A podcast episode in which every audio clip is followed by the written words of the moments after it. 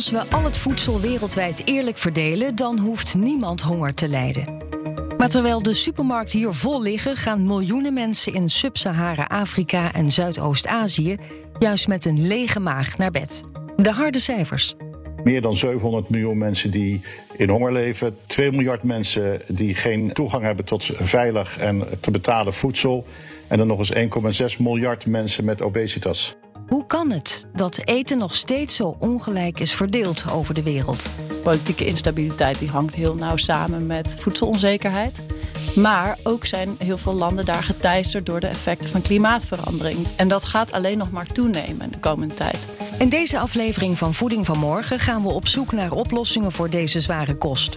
Hoe zorgen we ervoor dat in 2050 de groeiende wereldbevolking wel toegang heeft tot voldoende, betaalbare en gezonde voeding? Beter zaad, eh, waardoor ze gewassen kunnen telen die met uh, meer zon en min water toch goede productie kunnen opleveren. Als we kijken naar honger, dan moeten we niet kijken naar hoe kunnen we meer produceren. Maar wat is er precies schaars? Is dat voedsel? Volgens mij niet. Volgens mij is het de landbouwgrond. Mijn naam is Maud Schreurs en deze podcast wordt mede mogelijk gemaakt door Unilever. We schieten raketten naar de maan, communiceren moeiteloos met vrienden aan de andere kant van de wereld en robots voeren ingewikkelde operaties uit. Met andere woorden, we kunnen bijna alles. Waarom is het dan toch zo moeilijk alle monden wereldwijd te voeden? De vraag stellen is een stuk gemakkelijker dan een beantwoorden. Dus ik ga het probleem te lijf met twee knappe koppen. Vanuit zijn standplaats Rome spreek ik Hans Hogeveen. Ik ben de Nederlandse ambassadeur bij de drie VN-organisaties voor voedsel en landbouw. Dat is de FAO, de Wereldvoedselorganisatie, is het Wereldvoedselprogramma dat humanitaire hulp in noodsituaties geeft en het Internationaal Fonds voor Agrarische Ontwikkeling. Wat is de gemene deler van die drie organisaties? Ja, de gemene deler van die drie organisaties is dat zij proberen uh, oplossingen te vinden uh, voor de grote, het grote voedselvraagstuk wat wij wereldwijd hebben. Het is een geweldig probleem en het is natuurlijk vrij ongelijk verdeeld. En die problemen zijn natuurlijk nog eens verergerd door de coronacrisis. Mm ja. Waar de verwachting is dat er tussen 83 en 132 miljoen mensen extra aan honger geraken. En in Nederland schuift Julia Rijsenbeek bij me aan. Ik uh, promoveer in de filosofie aan uh, Wageningen Universiteit op het gebied van biotechnologie en voedsel. En ik uh, ben ook onderzoeker bij Freedom Lab. Dat is een denktank in geopolitiek en technologie. Waar we voornamelijk aan de hand van scenario denken, maatschappelijke veranderingen proberen te duiden. Je bent gedoken in het voedselvraagstuk. Um, wat fascineert jou zo aan het voedselvraagstuk? Ja, de grootste uitdagingen van onze tijd zijn groeiende ongelijkheid en klimaatverandering. Mm. En die komen samen in het voedselvraagstuk.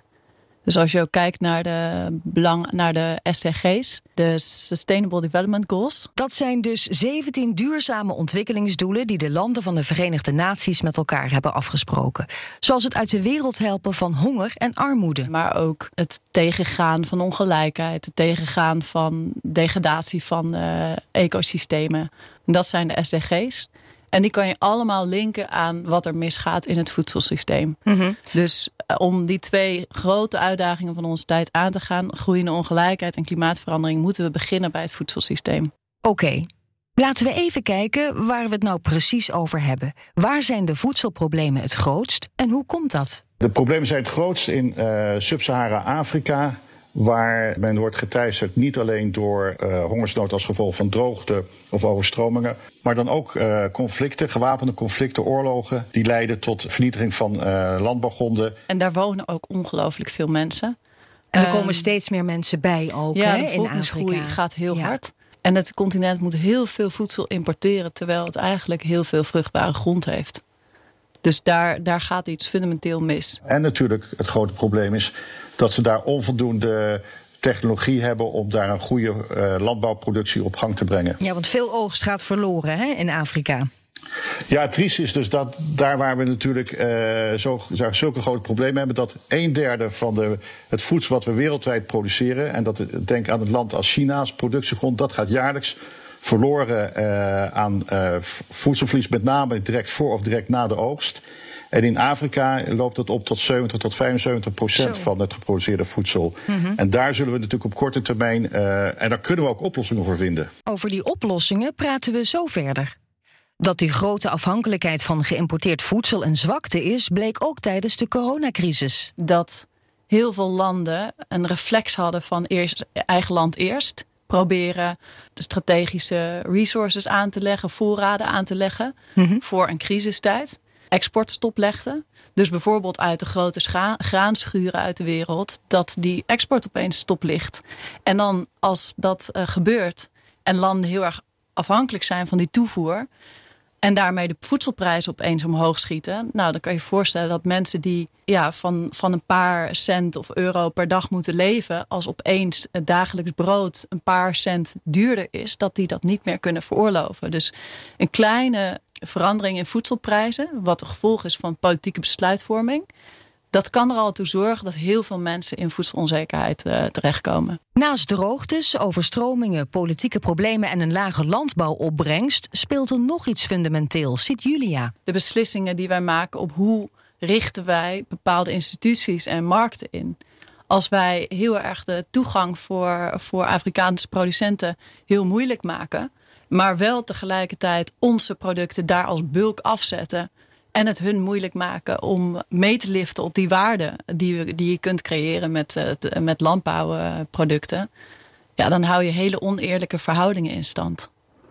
Is het niet zo dat er een voorbeeld is met bijvoorbeeld koffiebonen eh, uit Brazilië? Ja, dat is, dat is een heel goed voorbeeld. Want vaak zie je dat bulkproducten, dus echt het eh, Zoals koffie. raw materials, mhm. die daar zit niet heel veel waarde aan. Dus dat wordt tegen relatief lage prijzen wordt dat verhandeld. En vervolgens, als je op de voedselketen kijkt, wordt het meeste geld verdiend aan die tussenposities. Dus het processing, het, het uh, produceren van, uh, van die raw materials naar producten. En dat is het probleem, dat die landen dus daar zelf niet aan verdienen. Wel al hun grondstoffen kwijt zijn. Daar ook heel veel uh, ecologische degradatie ten gevolge van ondervinden in hun eigen land.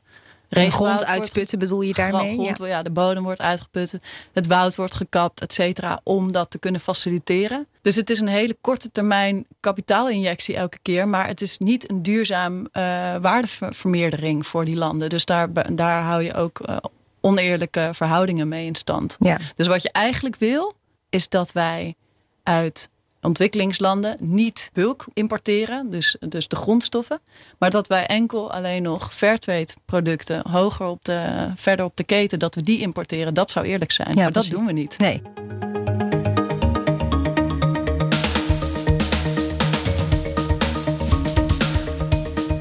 Goed. In Sub-Sahara-Afrika zijn de problemen dus het grootst. Er wordt te weinig voedsel geproduceerd, veel landbouwopbrengsten gaan verloren en het eten dat er is, is lang niet altijd voedzaam genoeg. En ondertussen groeit de bevolking enorm snel. Nu wonen er 1,3 miljard mensen op het Afrikaanse continent. In 2050 zijn dat er naar verwachting 2,5 miljard. Bijna het dubbele dus. Laten we de koe bij de horens vatten. Waar zitten de oplossingen? VN-ambassadeur Hans. Gaat met name om technologische innovaties. En, en denk bijvoorbeeld, ik, de Nederlandse landbouw die was na de Tweede Wereldoorlog volledig ten gronde. Maar door het investeren in landbouwcoöperaties, het investeren in onderzoek, innovatie, uh, hebben we natuurlijk Nederland tot een van de grootste landbouwlanden ter wereld gemaakt. Het zijn derde exporteur wereldwijd. Maar juist dat ondernemerschap in combinatie met innovaties en technologie en het trainen van, van boeren heeft die landbouw zo groot gemaakt. En dat zijn voorbeelden hoe we dat ook je kan natuurlijk niet copy en paste doen, maar wel de wijze waarop je de landbouw in uh, Sub-Sahara-Afrika zou kunnen ondersteunen. Een goed voorbeeld ziet hij in Rwanda, waar chemiebedrijf DSM een regionale voedselfabriek heeft opgezet die extra nutriëntrijke voeding produceert. Wat dan ook regionaal wordt gebruikt voor voedselhulp. Dat betekent dat nu 20.000 boeren daar een vijf jaar contract met die fabriek hebben. Vijf jaar een inkoop hebben verzekerd. Daarmee ook hun productie kunnen uh, verbeteren. Ze krijgen training en ondersteuning uh, voor een verbeterde productiemethode. En natuurlijk, daar komt een meer financiële, economische ontwikkeling op gang. Wat ook betekent betere scholing, wat andere bedrijvigheid naar ze toe trekt. En zo kan je een stukje regionale economie gaan opbouwen. Kunnen wij als land ook nog op een andere manier bijdragen aan de oplossingen? Ja, kijk, wij doen het vanuit natuurlijk de Nederlandse regering. Met name via ontwikkelingssamenwerking uh, investeert. Uh, natuurlijk niet alleen in landbouw, maar ook in, uh, in scholing van kinderen. Zorgen dat er betere medische zorg komt. Dat zijn belangrijke elementen die we vanuit natuurlijk de regering doen. En doen we natuurlijk gezamenlijk met een aantal Europese landen en natuurlijk binnen de VN. Maar het is ook zo dat we natuurlijk ook samen met het bedrijfsleven kijken hoe wij die landen kunnen ondersteunen. Bijvoorbeeld als we het over voedselverlies hebben. Hoe kunnen wij nou zorgen dat daar bij wijze van spreken koelhuizen komen, dat er wegen worden aangelegd, zodat dat voedsel wat dan na de oogst wel uh, goed behandeld kan worden en naar de markt kan komen. Hoe zorgen we dat ze dan ook uh, de markt bereiken en ook kunnen exporteren? Daar, zijn wij, uh, daar wil het bedrijfsleven ook zelf in investeren. Ze zijn natuurlijk geen caritatieve instelling.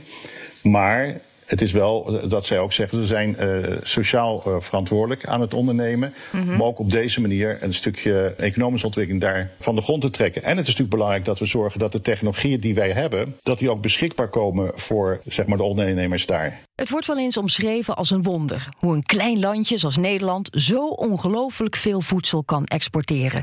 Mede dankzij al die technologie waar Hans het over heeft. Maar volgens Julia moeten we oppassen het Nederlandse model te veel te willen kopiëren in Afrika. In de jaren 50 hadden we de groene revolutie. Enorme toename van voedselproductie. Mm -hmm. Na de oorlog. Na de oorlog. Nooit meer honger. We willen dit anders oppakken. En toen begon eigenlijk de industriële moderne landbouw. En daar aan de grondslag liggen pesticiden. Uh, goede zaden, uh, heel veel mechanische methodes. Maar ook dus wat minder duurzame en grondstofintensieve methodes. En die hebben ons tot het punt gebracht van vandaag dat we eigenlijk zien dat is niet houdbaar, die manier van produceren. Het zorgt voor heel veel klimaatverandering, van bodemdegradatie, voor oneerlijke verdelingen. Dus we kunnen niet de oplossingen gaan zoeken in dat oude paradigma van die, uh, van die groene revolutie. Want dat gaat alleen maar zorgen dat daar ook nog verder de bodem degradeert, et cetera. Hoe zou je het dan in Afrika moeten aanpakken? Hè? Als je heel veel lokale kleine boeren ja, hebt met kleine akkertjes. Ja. Dus je wil eigenlijk zorgen dat landen niet afhankelijk worden van import van pesticiden uit van heel ver of van zaden enkel vanuit, uh, vanuit ontwikkelde landen. Uh, van rijke landen en, en technologie, dat ze helemaal afhankelijk worden, maar dat ze voornamelijk lokale oplossingen voor lokale problemen. Dat betekent niet dat het allemaal kleinschalig hoeft. We hebben gewoon op grote schaal voedselproductie nodig. Um, heel veel mensen zijn daarvan afhankelijk. Dat we in uh, de Amsterdamse grachtengordel het leuk vinden om van lokale boerproducten te kopen, dat is echt een luxe. Dus dan bedoel ik eerder dat je moet gaan kijken wat zijn de lokale gewassen die op grote, op grote schaal goed kunnen gedijen, waardoor de bodem goed blijft die voedzaam zijn. En waardoor ja, er meer ook diversiteit in het moderne dieet komt. Want nu eten we veel te eenzijdig. Als je kijkt naar wat wij eten, dan is dat heel vaak te reduceren tot een paar uh, staple crops, noemen ze dat dan. Wat zijn dat? Staple dat crops? zijn uh, bijvoorbeeld rijst, aardappels, de Cavendish uh, banaan. Dat zijn een paar van die gewassen die zo succesvol zijn geworden in ons moderne dieet dat ze over de hele wereld worden geteeld. En daarmee ook de lokale gewassen hebben verdrongen. Dus als jij overal monoculturen van dat gewas produceert. en dus ook afhankelijkheid creëert van die zaden en van die pesticiden van bepaalde grote bedrijven. En dan krijg je een heel eenzijdig en kwetsbaar voedselsysteem. En zeker met aankomende klimaatverandering en de biodiversiteitscrisis kan dat natuurlijk niet meer. Volgens Julia kan de Nederlandse kennis en kunde heel goed worden ingezet. Maar dat moet dan wel op een duurzame en gelijkwaardige manier. We hebben heel lang dat paradigma gehad van Nederland moet de wereld voeden. Uh, Nederland kan heel veel produceren. Ja, ontwikkelingssamenwerking bedoel ja. je, uh, hulpgoederen. Naar, ja. ja. Nou, daar zou ik heel erg graag willen zien dat we daarvan afgaan, van dat paradigma. Dat we niet meer een koploper als tweede producent in de wereld zijn maar een, een voortrekker worden op het gebied van duurzaam voedsel produceren. En dat kunnen we, daar hebben we al de goede, eh, juiste elementen voor. Denk aan zilte landbouw, uh, stadslandbouw, uh, kassystemen, zaden in Enkhuizen. We hebben zoveel kennis in huis. Slimme irrigatiemethodes. Ja, ja. Daar kan Nederland een hele grote rol in spelen. En dat moeten we oppakken. En dat betekent dus dat Nederland niet alleen dat gaat exporteren weer op de hele oude manier, als een bijna een koloniale manier mensen daarmee willen helpen. Nee, bouw daar wederkerige partnerschappen mee op. Dus voedselpartnerschappen. Want Nederland heeft ook uh, weer goederen uit het buitenland nodig. En ook uit het Afrikaanse continent. Ik geloof niet meer in die oude manier van wij doen voornamelijk veel via ontwikkelingshulp. Dat is belangrijk. Emergency response moet je bieden. Maar landen hebben er op den duur veel meer aan als wij hen als uh, gelijkwaardige partners gaan uh, gaan behandelen. En dat wij als een soort testgebied, als een soort testmarkt ons gaan profileren. Waar we laten zien, wereldwijd, ja, we kunnen duurzamer voedsel produceren. Als we dat gezamenlijk doen, krijg je slagkracht in die landen. Als we dan nauw samenwerken met de overheden daar, maar ook met het lokale bedrijfsleven en met uh, belangenorganisaties daar, dan krijg je een echte structurele ontwikkeling eh, op gang. Maar dat betekent ook dat je dus niet alleen moet kijken naar waterbeheer, niet alleen moet kijken naar de landbouw, maar je zal ook moeten kijken naar de medische zorg. En, uh, een stukje sociale zekerheid. Maar daar zijn wij samen uh, met bijvoorbeeld de Wereldbank en de FAO druk mee bezig. Het gaat lukken. De vraag is natuurlijk of het alleen of het snel genoeg gaat. En daarom betekent dus dat er wat dat betreft veel meer internationaal samengewerkt moet worden om nog grotere slagkracht uh, voor de problemen in met name Afrika te krijgen. Zowel Julia als Hans hebben goede hoop dat de Food System Summit eind 2021 iets oplevert. Deze grote VN-conferentie draait helemaal om voedselsystemen en voedselzekerheid. Het zou mooi zijn als het een beetje de allure krijgt van een Paris Agreement. Ja, dat bedoelt het klimaatakkoord van uh, Parijs, ja, bedoel je? Ja, ja, ja, Dat landen zich ook gedwongen voelen van, om iets te tekenen. En dat dat ook iets is wat gebaseerd is op een harde metric. En dan bedoel ik dat we hadden met Parijs, hebben heel duidelijk gezegd... oké, zoveel graden mag het nog stijgen, maar daaronder moet het blijven. En dat is gewoon een heel duidelijk cijfer waar je aan kan vasthouden. En het moeilijke met het voedselsysteem is dat je dat niet hebt. Je hebt niet één cijfer waar je zegt: dit is, dit is het, het doel. Maar ik hoop toch dat we daartoe komen. Dat we op een, een of andere manier dat proberen meetbaar te maken. Bijvoorbeeld zou je dan kunnen zeggen: we willen voedselwaste terug, terugdringen tot nou, zoveel procent. Of we willen zorgen dat uh, ja, biodiversiteit toeneemt de komende jaren of zo. Je kan het natuurlijk wel meetbaar maken. En ik hoop dat het dus heel erg daar ook op gestuurd wordt. En ik ben heel erg benieuwd welke oplossingen ze gaan presenteren. Die dan ook heel veel aandacht kunnen krijgen en, en kunnen gaan vliegen. De bedoeling is dat het een actiesummit gaat worden. Dus dat we niet weer opnieuw met elkaar gaan bespreken. Dat we nieuwe plannen moeten maken, nieuwe doelen moeten stellen. Maar de bedoeling is dat het met name een summit wordt waar landen of regeringen, maar ook uh, bedrijven en andere organisaties zich committeren tot concrete acties in verschillende landen.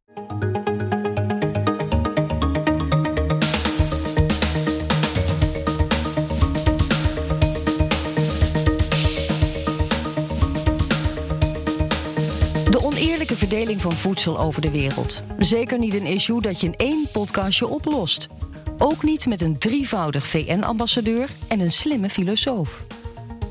Maar als ik naar hun oplossingen kijk, zie ik wel een lijn. Structurele verbetering is alleen mogelijk als Afrikaanse landen zelf op grote schaal voedsel gaan produceren. En dat zal moeten gaan gebeuren op een zo duurzaam mogelijke manier. Want zolang de verwoestende kracht van klimaatverandering over het Afrikaanse continent blijft denderen, zijn alle goede bedoelingen ten spijt. En ja, daarbij kunnen Nederland en de Verenigde Naties helpen. Maar dat moet dan wel op een gelijkwaardige manier.